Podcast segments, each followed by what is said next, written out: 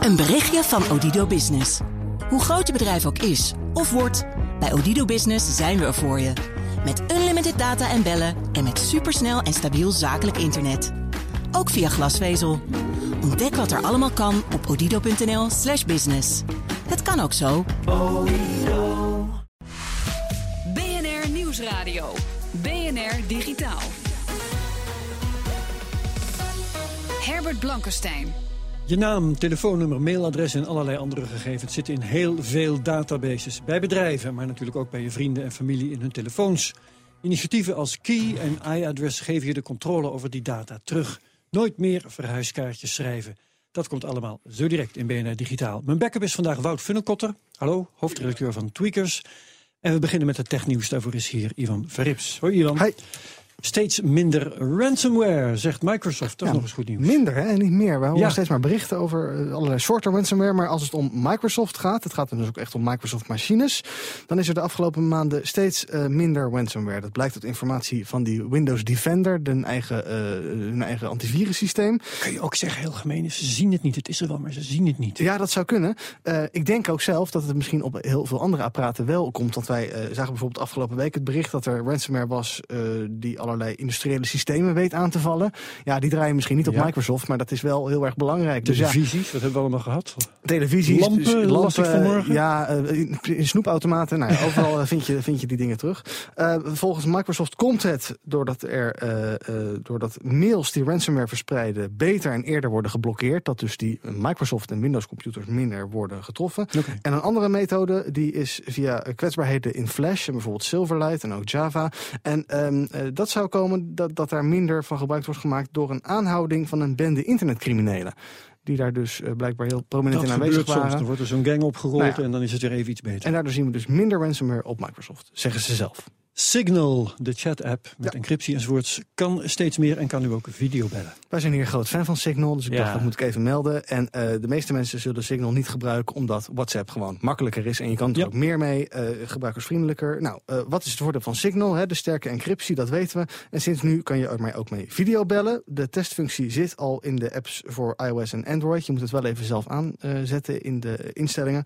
Eh, en ook hiervoor geldt dus afluisteren onmogelijk. En natuurlijk het voordeel dat ehm, eh, zij niet allerlei metadata hebben over eh, met, met, wie jij dan eh Want WhatsApp heeft ook en- encryptie, maar registreert wel wie er met wie praat. Precies, en dat, weet Signal Facebook ook allemaal weer. En Signal weet amper iets van je. Dus Ja. nou, als je wil videobellen vanavond, kunnen we even bellen. Privacy, weet niemand het. Ja, over privacy gesproken. Straks nog meer. Maar je gaat toch nog niet weg, hè? Want ik heb er nog eentje over PewDiePie. De succesvolste YouTuber ter wereld heeft geen vrienden gemaakt bij Disney. Nee, ehm, die meneer, die PewDiePie, die eh, heet eigenlijk eh, Felix Kjellberg. Eh, komt uit Ja. Zweden, 27 jaar. Heeft 53 miljoen abonnees op YouTube. En En die heeft... evenveel euro's volgens mij. Ja, ik geloof dat hij vorig jaar 15 miljoen verdiende of zo. Ja. Die zou allerlei antisemitische grappen hebben gemaakt. Ehm, daar maak je je naar het schijnt dus niet echt populair Nee, mee. die waren ook niet mis volgens mij hoor, die Nee, grappen. nou, wat hij probeerde geloof ik in zijn filmpjes, daar probeerde hij een website uit, een dienst. En als je dan een paar dollar betaalde, dan zette iemand in de wereld zichzelf op de foto met een tekst die jij aandroeg.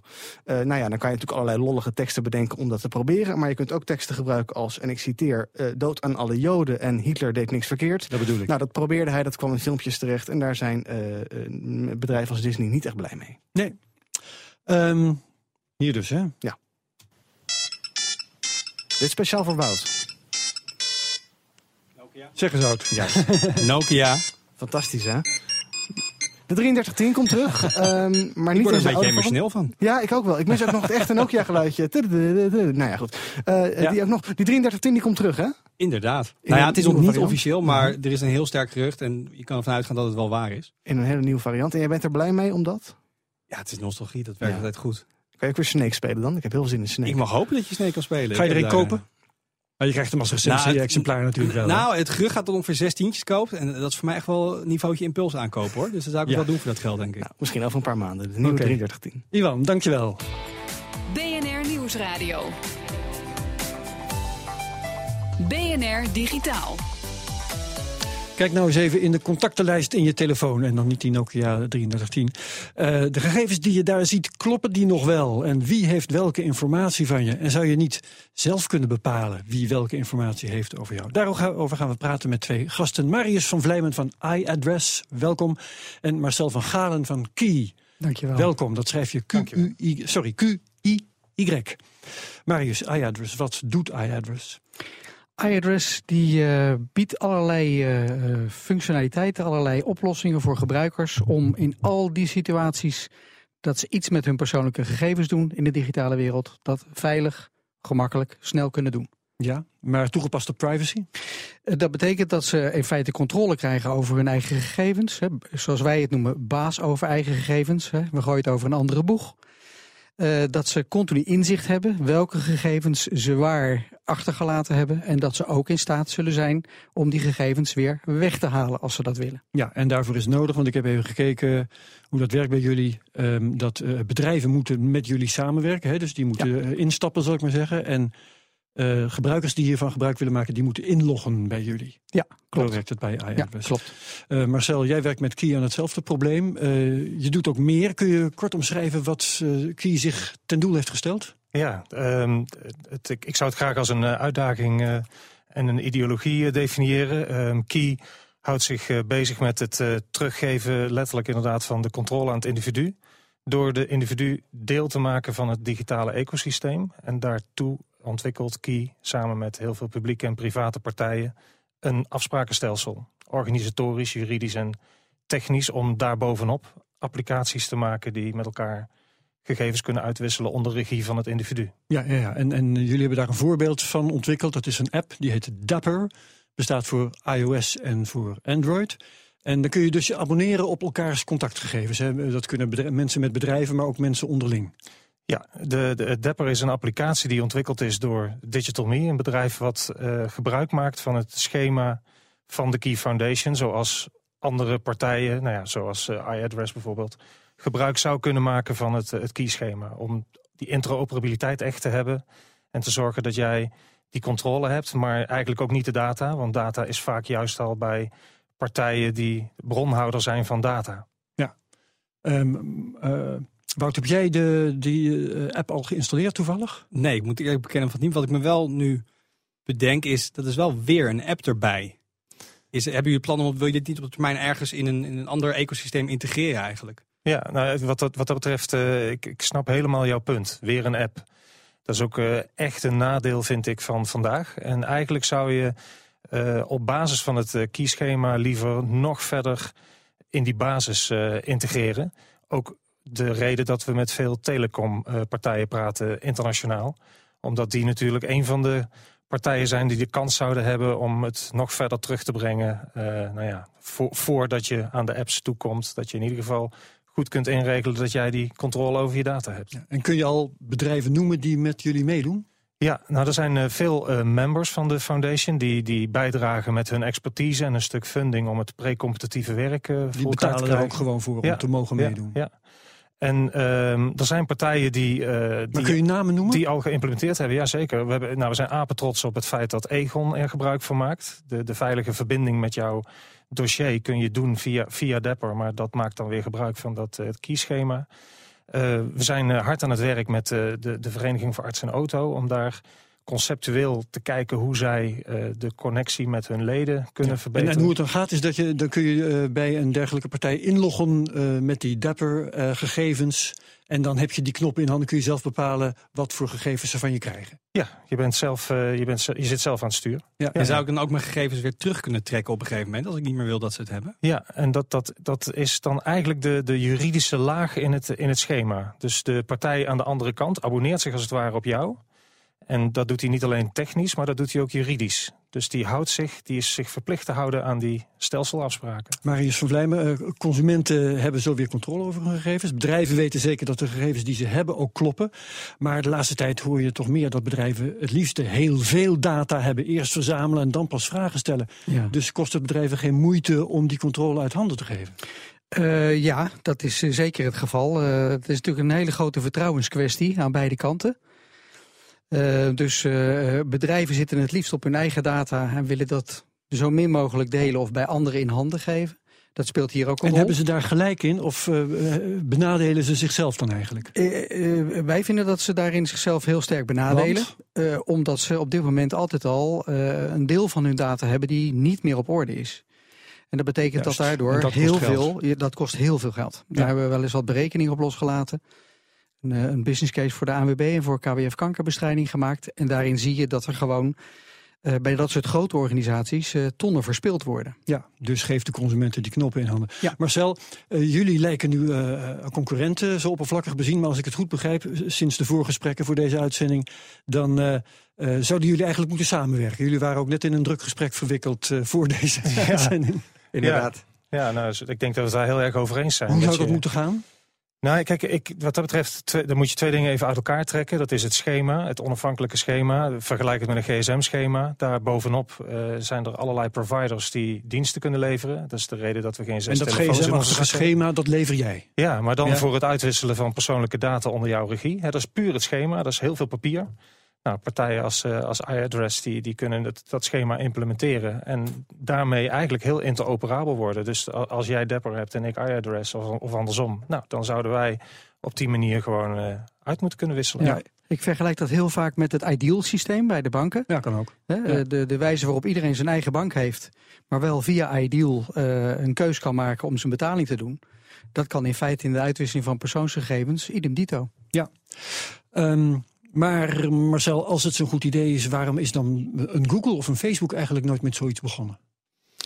Nou, ik, ik denk dat dat een stukje historie is. Ik, ik denk zelf, ik ben ervan overtuigd zelfs dat eh, het zo is dat eh, zeker ook nu met eh, de hele Europese verordening, de Algemene Verordening Gegevensbescherming, dat veel bedrijven zich realiseren vandaag, en ook in Europa, Google en Facebook, dat het steeds minder aantrekkelijk wordt om heel veel persoonsgegevens te hebben. Eh, punt 1 vanwege Ja. hè, wat je zei net, eh, ja, wat is de actualiteit van die Maar persoonsgegevens? het is ook een juridisch risico. Maar het is een, het is een liability. Ja, daar word je, daar word je, daar word je echt niet. eh, Ook Google en Facebook met name worden daar natuurlijk echt niet goed van. Ja. Maar er is natuurlijk ook het risico dat mensen dan zeggen... we gaan minder aan jullie geven. En Facebook en Google draaien toch op gebruikersdata. Ja, nou kijk, wat het, het leuke is, op het moment dat je eh, eh, eh, met elkaar leeft in een, in, een, in een keten van trust. Dan op een gegeven moment eh, kun je ook veel meer en veel actueler eh, gegevens van jezelf geven. Bedankt. Marius van Blijmen van iAddress en Marcel van Galen van Key, Q-I-Y. Graag gedaan. De smartwatch-markt heeft het lastig, maar hoe bevalt Apples vlaggenschip de Watch Series 2? Dat hoor je zo. BNR Nieuwsradio. BNR Digitaal. Fitbit, Pebble, Jawbone, allemaal bedrijven in de smartwatch-markt. Moeilijk woord die het niet bepaald makkelijk hebben. Maar hoe gaat het eigenlijk met de Apple-horloges? Je hoort redacteur Ivan Verrips. We horen veel negatieve verhalen over de wearable en smartwatch-markt. Het is nu ongeveer vijf maanden geleden dat Apple de tweede generatie watch lanceerde met als vlaggenschip de Watch Series 2. Hoe spannend is die watch ten opzichte van de eerdere modellen en kan Apple het tij keren? John Rettinger van Techno Buffalo had van tevoren hoge verwachtingen. I went in with its big expectations, thinking, okay, new watch, it's more powerful. I'm gonna use third-party apps. They're gonna load crazy fast on here, brighter screen. It's got some waterproofing in it. I can go swimming. I can bathe my son. I'm, I'm jazzed for the new iPhone.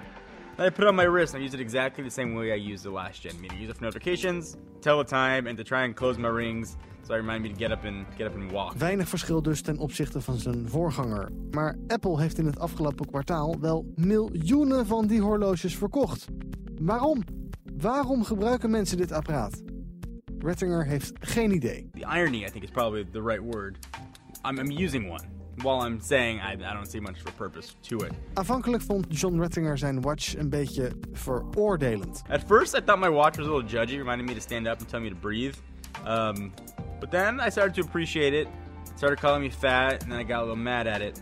But at least for the most part, I've liked those kind of notifications that it can do. Op de watch kun je ook third-party apps gebruiken. Maar meh. When I try to use third-party apps, despite them being loaded directly on the watch, they launch extremely slow. So by the time I could just do this, find the app I want, and then open it up, I could just take out my phone. And that's really true for a lot of things here. Er zijn ook positieve kanten. De watch is waterbestendig en dat blijkt erg handig. En ook in de auto blijkt de watch functioneel te zijn. One big positive use for me is if I want to play music in the car and I'm using Apple Music, using my phone and I say, "Hey Siri," I apologize, I activated probably a ton of phones. Um, doesn't always work on the iPhone, but holding it up to my wrist and saying that same command, I won't do it twice, is much more responsive. Maar overal, je hoort het al, weinig enthousiasme. Een advies van John Mettinger. I think save your money. Save them for, put it away for school. Buy, buy a stocks. Take, take, take your lady friend or your gentleman friend out for a nice dinner. That'll probably give you much more rewarding experience than you're going to get dropping 370 bucks minimum on an Apple Watch. Oh, en als je er dan toch eentje wil kopen, Thinking about getting an Apple Watch, I still recommend going for the first gen, the Series 1, I guess. You can get that for a way bigger discount and get almost exactly the same experience, save for, for waterproofing and some little brightness issues on the screen. Ja, nou, wie het nog een keertje in zijn geheel wil horen... dan eh, kun je kijken op bnr.nl slash digitaal. BNR Campagne. Over precies vier weken mogen we eh, weer stemmen voor de Tweede Kamer. En eh, de weken eraan voorafgaand besteden we aandacht aan de plannen van de verschillende politieke partijen als het gaat om technologie en het digitale. Vorige weken hadden we al GroenLinks, D66, CDA en VVD. En vandaag de gast Jeroen Recour, Kamerlid van de Partij van de Arbeid. En nummer 23 op de kandidatenlijst voor 15 maart. Welkom Jeroen Recour. Hallo. Jullie vinden, dat is een van de dingen die mij opviel, dat iedereen recht heeft op een supersnelle internetverbinding. Daar heb ik een hele hoop vragen over. Om te beginnen, hoe snel moet die wezen? Nou ja, we zetten in op 5G. Dus dan gaan we ja, ja. meteen de generatie door. Dat getal Eh, staat en- trouwens niet in het partijprogramma. Nee, nee, nee dat, hebben we, dat hebben we, ik geloof, vorige week eh, gebracht bij onze plannen om, eh, om eh, de krimpregio's extra impuls te geven. Ook in, in economische impuls. Want je ziet in de Randstad komt dat 5G er wel. Er zijn voldoende commerciële belangen en bedrijven die dat gaan realiseren. Maar je ziet vooral in de buitengebieden dat die commerciële prikkel er minder is. En dan Ja. ben je als overheid aan de beurt. Want we vinden het heel belangrijk dat iedereen mee kan in de digitale samenleving. nou- dat nou is zit ik de thuis kern van op, ons eh, verhaal. Op ongeveer een procent van die 5 eh, gigabit per seconde. Waarom zou dat niet genoeg zijn? Nou, wat we vooral willen is, eh, kijk, op het moment dat je als particulier eh, en ook niet commercieel eh, je, je, je internetdingen doet, dan zou dat misschien genoeg zijn. Maar we willen het vestigingsklimaat. Nederland is heel aantrekkelijk als vestigingsplaats voor bedrijven in de digitale wereld. Maar dat willen we wel uitbreiden tot niet alleen Amsterdam, maar ook gewoon in Groningen, in, in de achterhoek, in Zeeland. Ja. Dus vandaar dat we zeggen, niet alleen blijven focussen op de Randstad, maar heel Nederland moet mee kunnen doen in die digitale infrastructuur. En daar willen we als overheid extra aan investeren. Oh, ik wou net vragen wie gaat dat betalen, maar dat wordt de overheid dus. Eh, ja, we, gaan, eh, we hebben daar een fonds eh, voor in gedachten. En die, die gaat daarin investeren. Om het ook rendabel te maken in die gebieden waar een commercieel bedrijf zou zeggen, nou, daar wonen net te weinig mensen.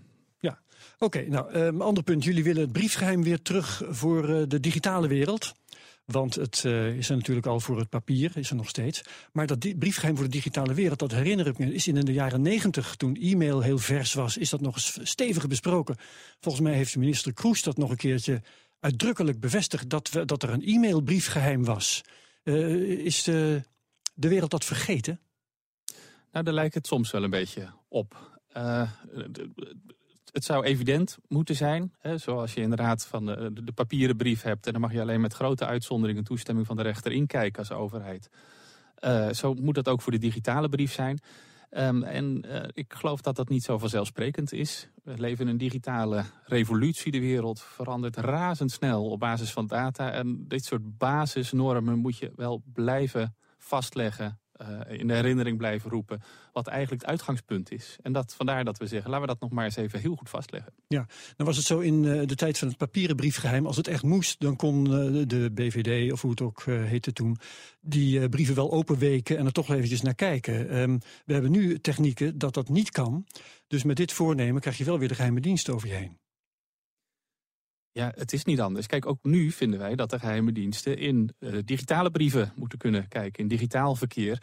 En als dat encrypted is, ehm, dan vind ik nog dat, de, dat, dat, dat eh, of de politie of de diensten met toestemming van de rechter daarin moeten kunnen kijken. Maar alleen in het individuele geval. Dus niet lopers creëren, sleuteltjes die, eh, die de veiligheid van alle iPhone-gebruikers of Ja. Nou ja, noem maar waar je, maar echt specifiek op die specifieke telefoon mag je van mij die encryptie doorbreken. Maar geen, eh, geen eh, verslapping van, eh, van de veiligheid. Nee, dus je zoekt zelf maar uit hoe. Je zoekt zelf maar uit hoe. Uh, maar, maar, vooral ook hoe niet. Namelijk met een, Ja. met een, met een, met een, met een verslapping, een, een kwetsbaarheid voor iedereen. Want dat is niet de bedoeling. Wout Funnekotter, mijn backup vandaag. Heb jij speciale vragen aan Jeroen Recour? Uh, nou ja, dit kwam natuurlijk ook natuurlijk terug in, in de, de, de hekkenwet, om het even zo maar te zeggen, die, Ja. eh, die net aangenomen is eh, deze week. En daar zat volgens mij ook wel in, inderdaad, dat je in speciale situaties, als er bevel is vanuit de rechterlijke macht, dat je dit zou mogen doen. Ehm, ik ben gewoon heel erg benieuwd vooral hoe dat zich eigenlijk gaat ontwikkelen. Ik, bij mijn achterban in ieder geval op tweakers ehm, is er redelijk wat sceptisch over de, alle bevoegdheden in die, eh, eh, in die wet.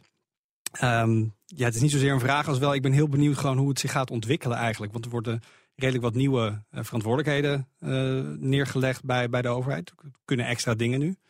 Ehm, en het gaat toch op een soort eh, ja, vertrouwensbasis. Dat het alleen maar in de gevallen dat het echt nodig is gebruikt zal worden. Ja. En ik eh, laat ik uitspreken dat ik echt hoop dat dat ook het geval zal zijn.